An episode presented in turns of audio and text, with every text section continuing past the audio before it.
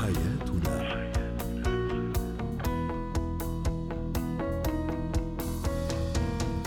نجدد التحية لكل مستمعينا ومستمعاتنا أنتم تستمعون لبرنامج حياتنا برنامجكم اليومي الذي يعنى بشؤون الأسرة وباقي الشؤون الحياتية الأخرى والذي يمكنكم أيضا الاستماع إليه عبر منصة بودكاست سكاي نيوز عربية. معي أنا أمال شاب.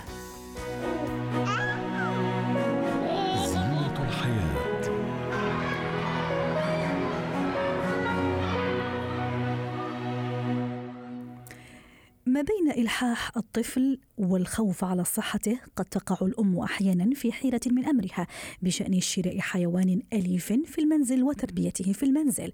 هناك إيجابيات لوجود الحيوان الأليف في المنزل من الناحية التربوية وتحدثنا عنها في حلقات سابقة لكن أيضا هناك مخاطر على صحة الطفل. إذا لم أخذ بعين الاعتبار أشياء كثيرة عن هذا الموضوع ينضم إلينا عبر الهاتف من القاهرة دكتور عادل عبد العظيم الطبيب البيطري وأستاذ الأمراض المعدية والوبائيات بجامعة القاهرة. يسعد مساك دكتور عادل. إذا ما قررت أنا أني أقتني حيوان أليف في البيت سواء قطة آه، طيور وما إلى ذلك ما هي المحاذير وما هي الأشياء التي يجب أن أحطها في عين الاعتبار؟ ما هي المخاطر التي قد ينطوي عليها هذا هذا الموضوع؟ آه، بسم الله الرحمن الرحيم. آه، بما لا شك فيه أن تربية الحيوانات الأليفة داخل المنزل أو الطيور لابد أن نعي أن هناك ما يسمى الأمراض المشتركة التي تنتقل ما بين الحيوان والإنسان. فإذا كنا نتحدث عن الكلاب والقطط فهناك أمراض عديدة تنتقل من الحيوانات إلى الإنسان. فاولا لازم نضع في اعتبارنا مصدر الحيوان اللي أنا بشتريه عشان أحطه في المنزل. لازم أكون عارف المصدر بتاعه وبعدين لازم أكون عارف التحصينات اللي خدها وإذا كنت هجيبه صغير يبقى لازم أعرف التحصينات اللي خدتها الام. وبعدين الأمراض دي يعني في منتهى الخطورة بالنسبة إلى صحة الطفل. فهناك أمراض من آه، جلدية تنتقل من القطط والكلاب إلى الأطفال آه، أهمها آه، مرض زي القراع مرض تاني زي الجرب آه، آه، ودول أهم الأمراض التي تنتقل عن طريق من الكلاب أو القطط إلى الأطفال خاصة عندما يلامسونها وتكون مصابة وتكون الإصابة غير واضحة.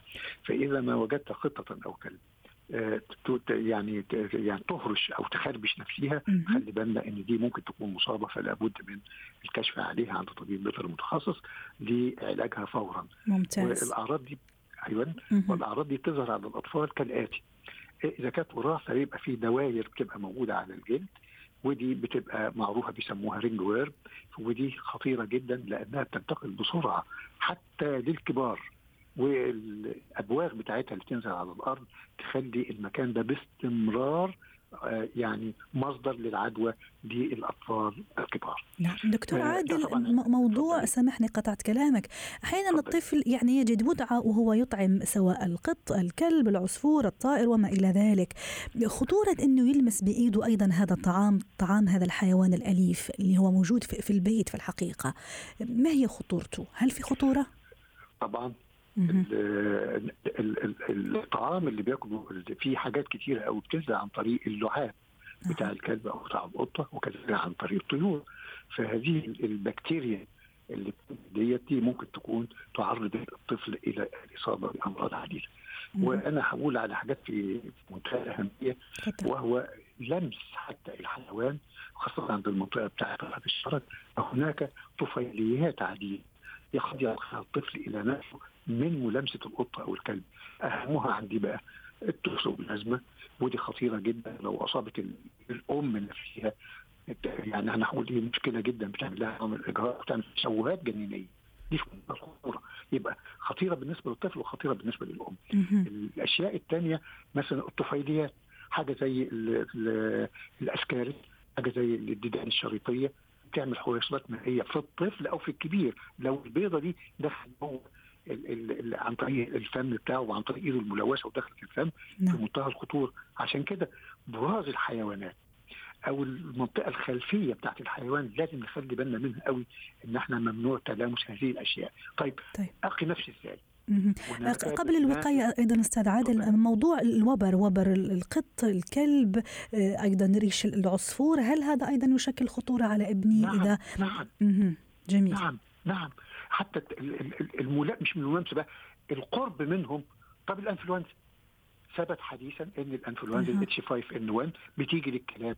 وبتنقل من الكلاب للطفل الصغير وللأم والكبار. حتى إذا كان هذا الحيوان دكتور عادل اخذه بشكل دوري اهتم به ياخذه للبيطري يأخذ اللقاح يأخذ التطعيمات الضرورية. حتى هذا أيضا لا يمنع من إنه يشكل خطورة على الطفل. يا فندم دلوقتي في حاجة بنسميها ايمرجنسي اللي هي الأمراض المستجدة التي لم نعرف عنها شيئا قبل هذا وتظهر حديثا في مثل هذه الحيوانات. فلا بد أن نكون على علاقة طيبه أيضا بالحيوان بس في نفس الوقت لازم ناخذ الاحتياطات الوقائية عدم الملامسة المباشرة بهذه الحيوانات. ممتاز. يعني في غاية الاهميه، لسه حديثا أهو المرض اللي ظهر في الصين دلوقتي جاي من السمك، في ناس بتربي أسماك في البيوت بتاعتها آه، كأسماك زينه، هل هذا الفيروس الجديد ده آه، ممكن يجي لنا؟ ما أعرفش. ففي حاجات كتير قوي لازم نخلي بالنا منها عدم الملامسة هذه الحالات الاليف في المنازل ونكون حريصين على الحرص. أي تغيرات أيوة. في سلوك الطيور أو سلوك الحيوانات أو سلوك الأسماك لابد من عرضها على كمبيوتر تشخيص الحالة الموجوده أحيانا طفلي وهو يلعب مع القط مثلا يخدشه شوي أو آه يعضه مثلا الكلب يعني مش بالطريقة لكن يعضه هل هذا أيضا في خطورة؟ هل يستوجب اخذه للدكتور؟ قطط معروف مرض اسمه cat scratch fever cat scratch fever يعني خربشة القط أه. والحمى.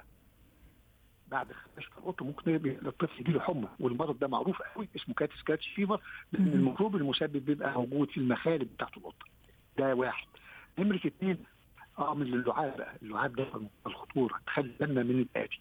نمرة واحد اللعاب ده أخطر مرض ينقله وهو مرض السعار ولا يشعر الإنسان به اللعاب اللي نازل ده يبقى يحتوي على فيروس على الفيروس بتاع السعار. الفيروس ده ممكن يجي عن طريق العض وممكن يجي عن طريق اللعاب إذا كان في جرح موجود في الجلد.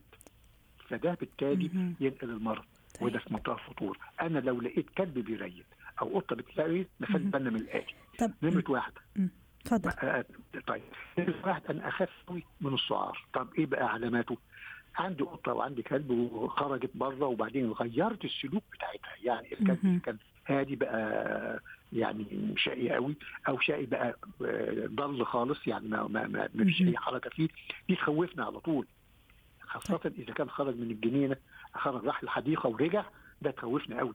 ممكن يكون كلب تاني ضال عضه تبقى بقى مشكلة دلوقتي. موضوع التهوية أيضا دكتور عبد الله إذا مثلا عادل عفوا إذا البيت صغير مثلا وهذا الحيوان موجود يعني في, في البيت والغرفة أو الشقة يعني ضيقه موضوع التهوية موضوع فتح النوافذ موضوع تغيير الهواء يعني كل شوي هل أيضا هذا هذا مهم؟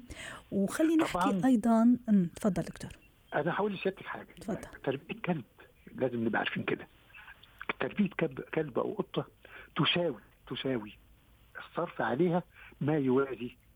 الزواج أو يساوي تكلفة العربية شهريا.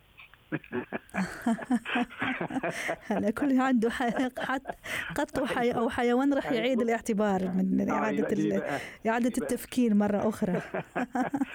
أنا عندي برنامج وقائي لابد أن أتبعه. صحيح وهو مثلا صحيح. مقاومة الطفيليات الداخلية. دي لازم تاخد حبوب كل ثلاث شهور على مدار العمر كله. ادي واحد.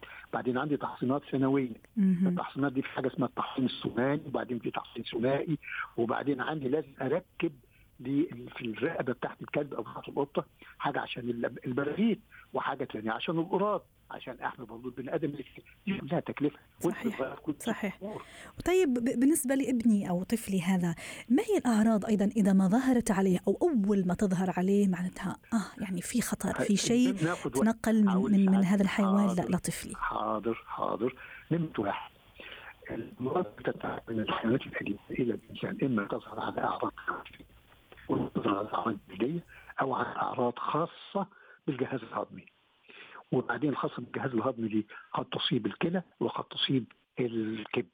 يعني لا قدر الله بقى اليرقان بتاع الجلد والاصفرار بتاع نتيجه نتيجه تلوث بتاع دي اي حاجة في البيت ده على طول على طول يبقى في حاجة اسمها بتسمس فدي في منتهى الخطوره الحاجة الثانية ال cryptosporidia خطيره جدا برضه في البراز دي بقى بتيجي للبني آدم كبير وصغير وبتعمل نوع من الاسهالات الرهيبه جدا الصالمونيلا دي برضه نوع من الحاجات الخطيرة.